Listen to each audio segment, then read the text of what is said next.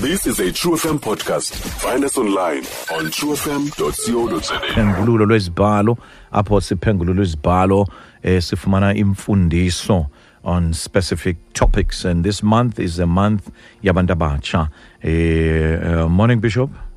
Morning morning pastor. Kunjani namhlanje? Eh, hayi mvelile. Akho nto. Yes sir. Njani na pastor? Nkosi yasinceda nathi siyabulela kakhulu. Eh usiphathele ntoni namhlanje bishop abantu mandibulise mandibulise abaphulaphuli bonke bonke be-true f m um ngelihle igama lenkosi yes eh le nyanga inyanga eright inyanga eh ephethe umcimbi wabantu abatsha hmm. eh xa uphethe umcimbi wabantu abatsha ke uphethe ingomso the future mm.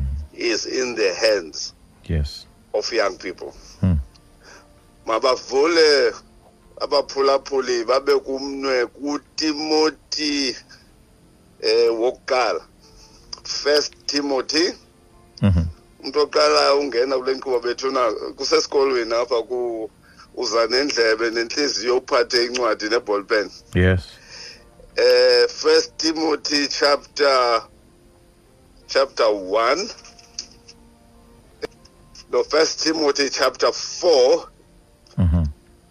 abe kumnwe pha ku verse 12 to 16 kulapho sizawulendisha khona Right. kodwa ke mandishicilele ngezi ndawo zimbini zi- zi- zi- eziyinyaniso as an introduction xa siphethe lo mcimbi wolutsha kuzawubonakala kuvakale ngokwezibhalo singamangqina nathi eento ezimbini eyokuqala yethi the success of a running horse is in the stable that groomed it hmm. xa ubona ihashe lo mdyarho liphuma entanjeni ligqwesile loyisile sidla ngokukhwaba sithi yile dyoki likhweleyo neli hashi liphumayo kodwa uh, ubulumko bukwazi into yokokuba i-success of a running horse is in the stable that groomed it mm. ukuba kukho into entle bonwa kum now as i go towards the 70s i-success ayikho kum ikwikhaya nebandla elandikhulisayo hmm. utimoti uzasifundisa loo nto it matters who brings you up hmm. esibini abantu abatsha mabayibambe inyaniso yethi wathi umntu ekugugeni wathi the greatest gift on earth is to be young mm. but unfortunately it is given to young people hmm. esona sipho sikhulu emhlabeni kukuba mtsha kodwa ngelishwa ubutsha bunikwa abantu abatsha abangakabi nayo i-wisdom hmm. uyibona loo nto yokoba yho to be young is a gift xa xa seyimkile loo nto igqithile hmm. uthi ke phaa kutimoti ke utimoti chapter wokuqala chapter four from from verse 12 ndiyifunda kule nguqulelo ke indala yesixhosa makungabikho namnye ubudelayo ubuncinane bakho suka ube ngumzekelo wabakholwayo ngentetho ngehambo ngothando wokholo nobunyulu uTimothy was a young church planter eh owaguqulwa nguPaulus according to incwadi yezenzo the book of acts chapter 16 from verse 1 to 2 ekaloku upawulos wafika edebe naselistra kwabonakala kukho mfundi uthile apho ugama lingutimoti unyana wentokazi ethile engumyudakazi okholiweyo kodwa uyise engumgrike that's very important to note uzalwa utimoti from a, a, a, a, a dead family according to amajuda intombazana eyayisendela kumntu okuthiwa yigentile umntu wolunye uhlanga was regarded as dead so ayibhalwanga nje le nto apha kuchapter 16 verse 1 to 2 into yokoba utimoti lo umama khe wayengumyuda tik kodwa uyise wayengumgriki eh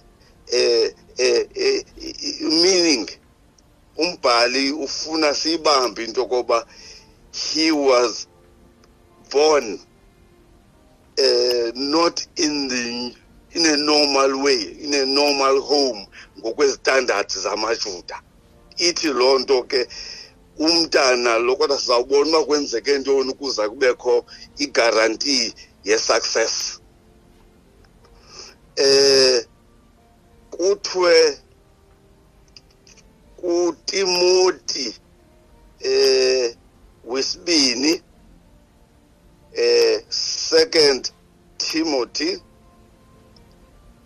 eh u chapter 1 sizama udibanisa phambi masinduluke usecond Timothy uTimothy wesibini chapter 1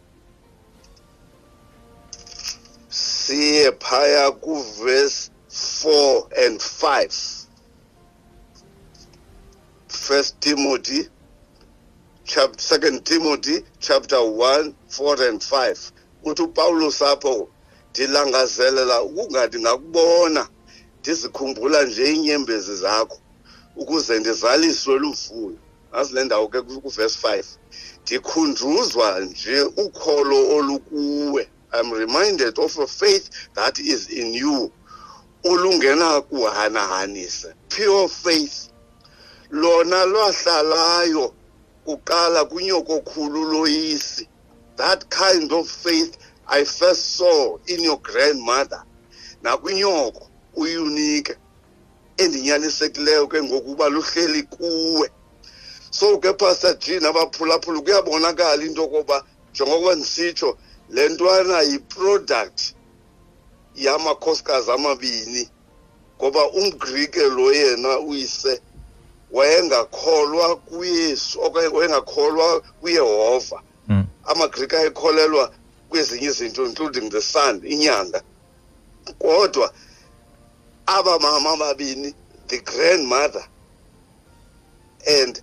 the mother set a good background for this young man eh ndiyafuna ke ukuyishicilela kule youth month into kokuba sokuthi xa ukhulisa umntwana noma intombazana noma inkwenkwe especially ukungekho tata ufune ukuphithizela here is a young man who ended up being a bishop actually utimothy ekhuliswe according to second timothy 1 verse 4 and 5 elukholweni athi upawulos lupure alungxengwanga ukholo lwakho kwedini ndaqala olu kholo ndalibona kumakhulu wakho ndaphinda ndalibona kumamakho that is critical ukuze ndize ngokufutshane kule ndawo bendithe masibeke kuyo umnwe kuyo mhm. so utimoti ke wanethamsanqa lokufumana and abefundisi noopastor must note this uthe kulo mzi utata ongahambi inkonzo kwafika upawulos hmm. waza upawulos wayithatha le ntwana wayifaka phantsi kwephiko lakhe hmm.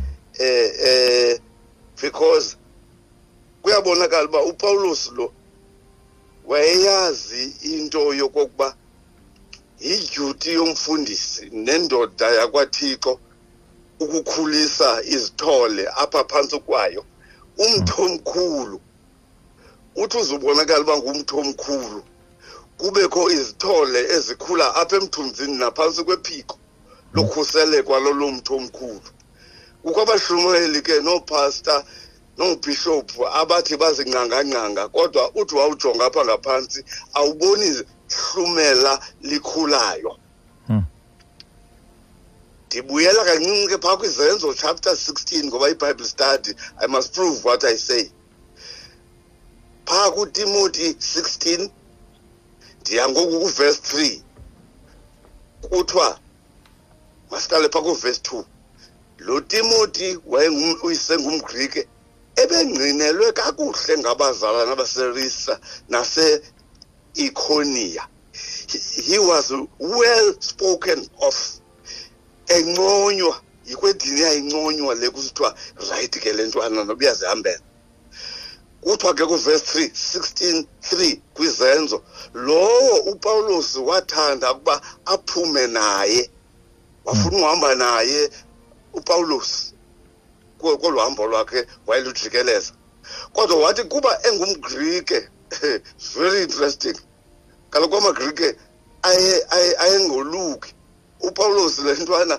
wamthabatha wamalusa hmm. ngenxa yamayuda abekwezo ndawo kuba bonke babeyazi uyise uba ungumgrike in other words ukuze kungabi komqobo wento kokuba asinawushunyayeza inkwenkwe upawulos wamfana lo mfana wow the boy was circumcised mm. ayo confusion is an interesting thing ngoba ikwangupawulos endimve kumagalati chapter phako chapter six edismisa kwa i-circumcision leyo esithi ukwaluka nokungaluki akuyonto yanto into engamandla sisidalo esitsha but in this instance kuba lo mfana weza kufuneka ahambe phantsi kwale ndoda yakwathixo engenamiqobo wamulusa hmm.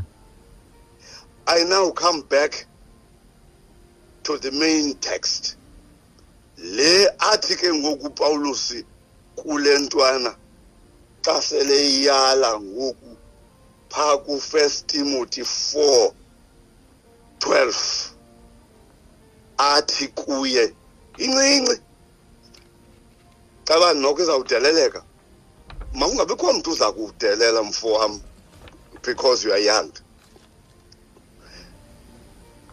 yiba ngumzekelo your in other words your conduct how you carry yourself as a young person mm. will earn you respect even among those who are older than you hmm.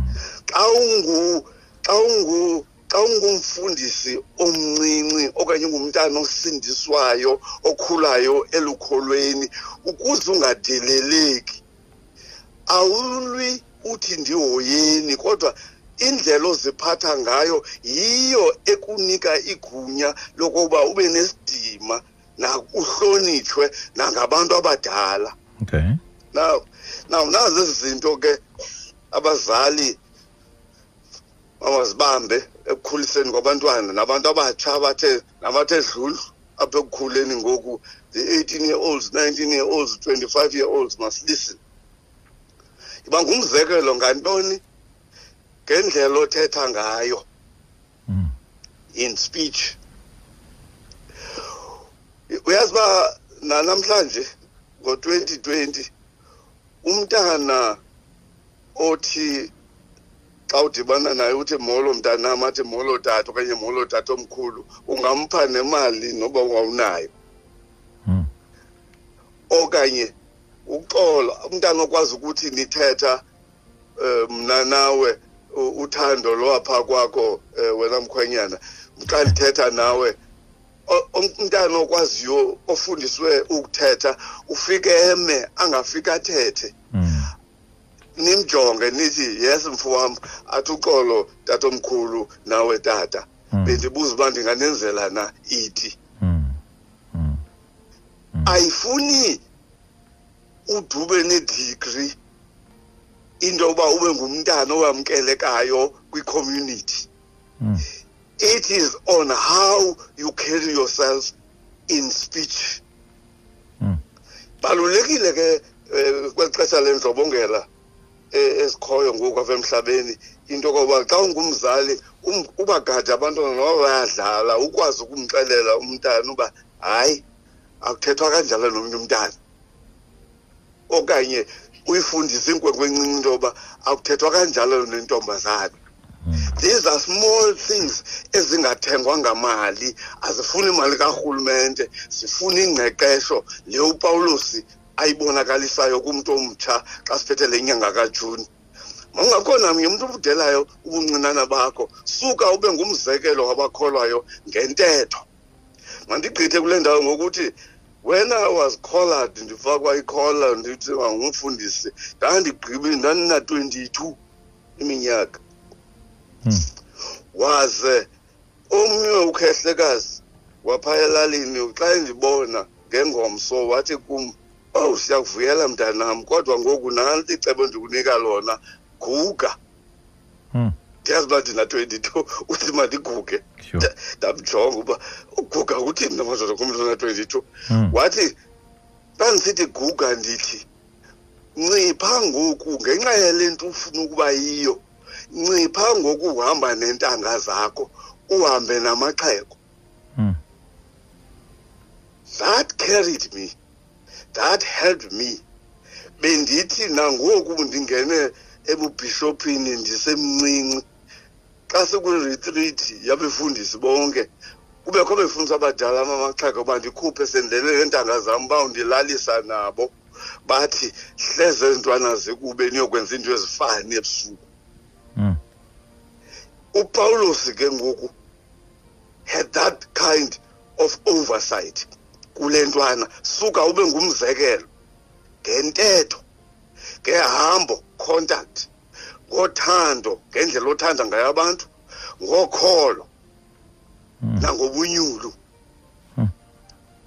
those are critical things endifuna xa sivula le nyanga yolutsha ndithi bantwana bam akuqhayiswa ngebrand yempahlo inxibileyo umntu omtsha uqhayisa ngesimilo esikukristu hmm. ngendlela yokuthetha ngendlela yokuthanda abanye abantwana nabanye abantu ngendlela ehambo yakhe ngokholo nangobunyulu hmm. now eh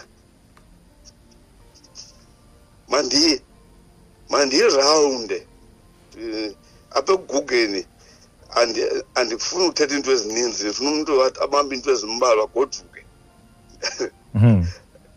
i summarize like a good teacher one apha kupa kuthimuthi we learn into koba usindiso salvation has visible outcomes hmm. awuhambi usithi ndisindisiwe nje ndisindisiwe kufuneka ufane notimoti ngokukachapter 16 wezenzo verse 2 othi it was the community that said le ntwana inothixo lo hmm. so uba uyintombazana encinane is difficult but usindiso has visible outcomes i hope amawisile ayazi ah, laa nto kulaa mbhede shwe ngathi bayenza irestation ukusindiswa kubonwa kwintlalo ebhedeshekileyo nelungileyo nebungcathu hmm. ayibonwa ke loo nto nguwe ibonwa ngabanye abantu abantu basedutywa will avail gcuwa will know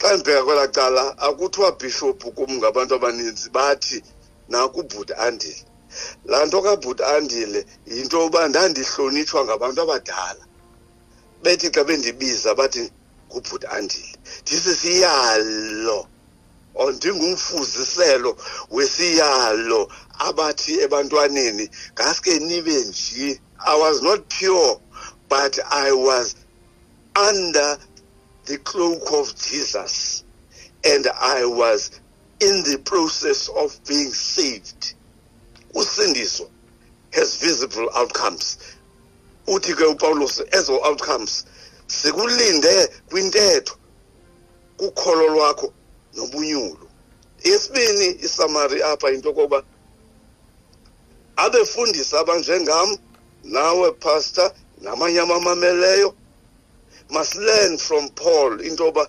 iyouth ukuze iphuhle they need mentors mm. And Utimoti was a product, a college, kaPaulus. Goba, hmm. Ngoba as I say wamam wamolusa. The, the necessity of training a new generation for the work of God lies in the hands of the present and current leadership in the church.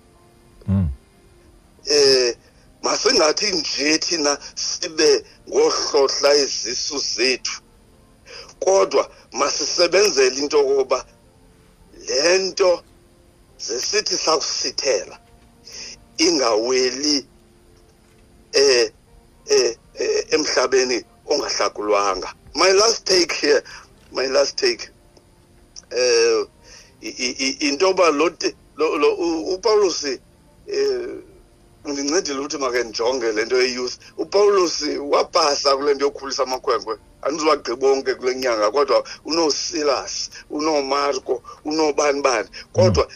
apha kule sithathu into yoba eh, kulo timoti yinto yoba utimoti lo ended up engumthunywa kapawulos ka in other words ukukhulisa umntana kukumnika uxanduva usaphila wena mm. ndiyibona mm. loo nto eh kwindawo ezininzi kodwa as i close in three minutes i'm looking at just note first corinthians amakorinte okuqala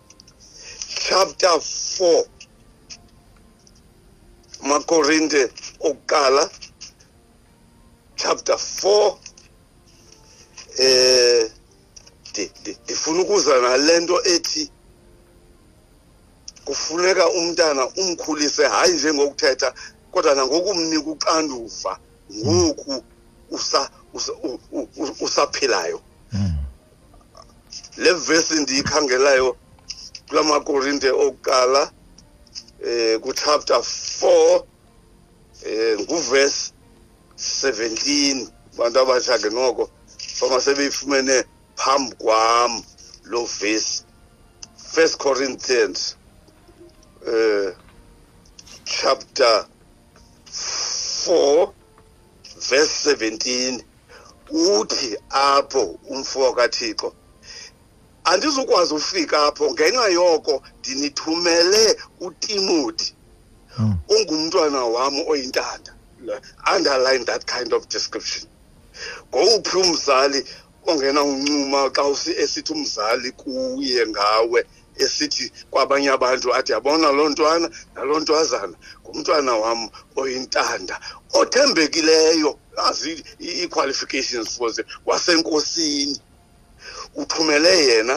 andizoyifunde enye ireference first thessalonians amathessalonike chapter 3 verse 2 to 6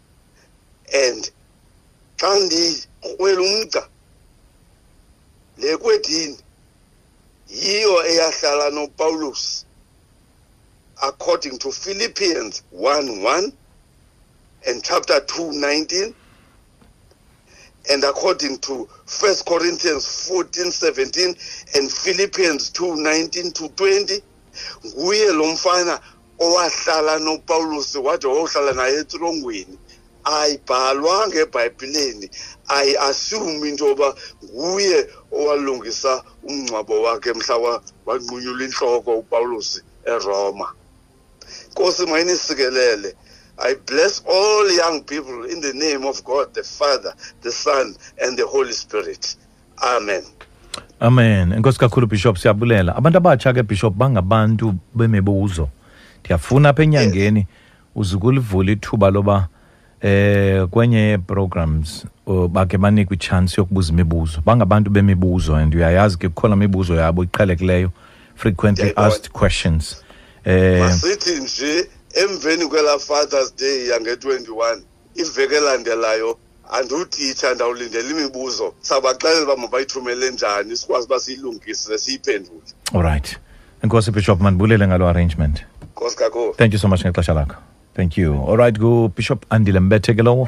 Stream True FM online on truefm.co.za. Sikho yonke indawo ngalo lonke ixesha like no one else.